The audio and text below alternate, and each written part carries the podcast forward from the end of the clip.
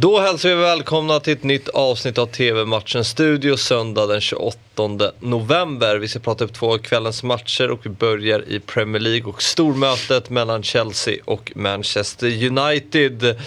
Det är ett oerhört formstarkt Chelsea som tar emot ett eh, United som visserligen vann i veckan mot Villarreal men... eh, Men är allt annat än formstarkt. Ja. Så, um, men Michael Carrick fick en seger. Eh, Ronaldo frälste laget återigen, precis som du sa. Ja, jo, det, det, man, man behöver kanske inte vara Einstein för att tro att, att, Nej. att han ska, att han ska fixa det i Champions League. Men vi hade rätt i alla fall. Och Chelsea som uh, tvålade dit eh, Juventus eh, med 4-0 efter en oerhört imponerande seger. Körde över Juventus. Ja, det får man ju lov att säga. Eh, men Chelsea som toppar Premier League med 29 poäng har ju endast eh, släppt in fyra mål så här långt i, i ligan. Det är, s- Med den, det facitet så, så vinner man titlar. Man gör ju det. Och eh, alltså den här matchen kan man ju tycka, med, med all respekt för Uniteds historia, det är liksom en fantastiskt stora klubb och, och, och, och framgångsrikt i, i, i mångt och mycket.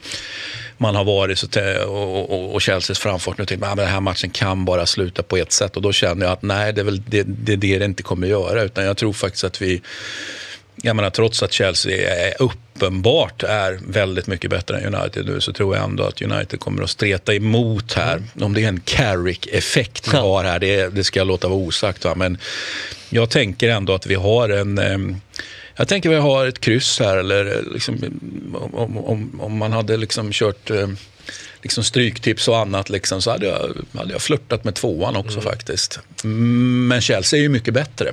Och eh, det kan bli så att Carrick blir den nya Solskär. United, klubbledningen är ju svaga för de här Ja. interimtränarna som eh, gör resultat. Ja, gud förbjuder liksom att han då skulle få, få alltså ingenting emot Carrick, men liksom, alltså de behöver ha en riktig tränarrekrytering nu, så är det ju bara. Mm. Men eh, du tror alltså på krysset? Ja, Jag tror inte Chelsea vinner i alla fall. Nej. Så, att- så att, ehm, ja, s- säg krysset då. Går det att argumentera för att det är en miniskräll då?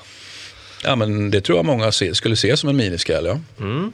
17.30 startar matchen och ni ser den på Viasat Premium. Nu till ett annat toppmöte och denna gång i La Liga. Mötet mellan Real Madrid och Sevilla. Ettan mot trean, det är två poäng som skiljer. Real Madrid som toppar tabellen. Eh, däremellan har vi ju Real Sociedad. Eh, men ja, en härlig match det här. Du har ju, du har ju sagt att Sevilla kan hota om uh, ligatiteln i år. Ah, har jag sagt det? Ja, jag har sagt att, att... det, ehm, att det är i år det är läge. Ja, det är år, att det är läge i år, ja. Men- Men det kan säga, beror det på hur Sevilla ser ut eller beror det hur, på hur, hur Real och Barcelona eh, och Atletico Madrid ser ut? Så att, så att ehm, eh, ja, men det är ett bra läge för Sevilla och, och ehm, mm, Alltså, men jag tänker ändå att den här matchen blir... Jag är helt övertygad om att Sevilla spelmässigt kommer att imponera i ganska stora delar av den här matchen. Tror jag att de vinner, det är ju en svår bortamatch. Det, eh, liksom, man kan, kan inte kräva att de ska liksom vinna i, i Madrid. Det, det, det gör ju ingen. Va? Eh, men jag tror heller... Eh, liksom, ja, men, småknackigt Real Madrid. Jag tror inte de kommer spela speciellt Nej. bra faktiskt. För jag menar, du, vet, du vet ju den här av och på-knappen, de bestämmer själva Real Madrid på när de faktiskt ska spela bra. Eh, Jag tror att de kommer göra en tillräckligt bra insats och till slut att säkra segern. Och så kommer vi prata sen om efteråt att Sevilla, liksom, ja, men de, de, de var så nära och de, de spelar ju bra i mångt och mycket. Men det är någonting som saknas fortfarande och det, och det, det är ju det för väldigt, väldigt många klubbar. Liksom att kunna, även när eh, ja, men här klubbar som, som Real Madrid och Barcelona och så vidare är knackiga så, så ska du ändå vara på en jävligt hög nivå liksom, för, att, för, att, för att knuffa på dem. Den här av på-knappen, det är ju lite också, vi pratade om DNA igår, Arsenal-DNA, det känns som det är lite Real Madrid-DNA. Man bestämmer Ja. lite när man ska vara bra och inte. Ja, det är sjukt drygt. Ja. Jag måste säga, det är sjukt drygt. De tycker ju såklart att det är jättekul. Va? Och, bara, ja men vi har den här förmågan. Vill, vill vi vinna så vinner vi.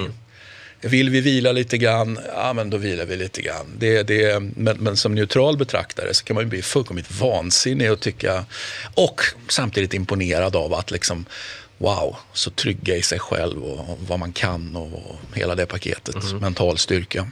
Men börjar inte Ancelotti få lite biten att falla på plats här? Alltså Karim Benzema fortsätter ju leverera, Vinicius har börjat komma igång på riktigt och, mm. och så här, resultaten ser ju ändå ganska bra ut för Ja, nu ska, nu ska han ju liksom bara fixa till så att, säga, så att backlinjen blir stabil då. Eh, men, men det kommer han, det, det, tror jag att han, det finns förutsättningar för att mm. göra det i alla fall och det ser Eh, såg ju knackigt ut initialt eh, på säsongen. Eh, men men det, det, ser ju sakta men säkert eh, inte bara bättre ut, utan klart bättre till och med. Mm.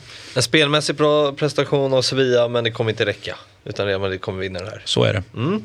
21.00 startar matchen och ni ser den på Simor. Det var allt för idag. TV-matchens studio är tillbaka imorgon igen. Vi ses då. Hej!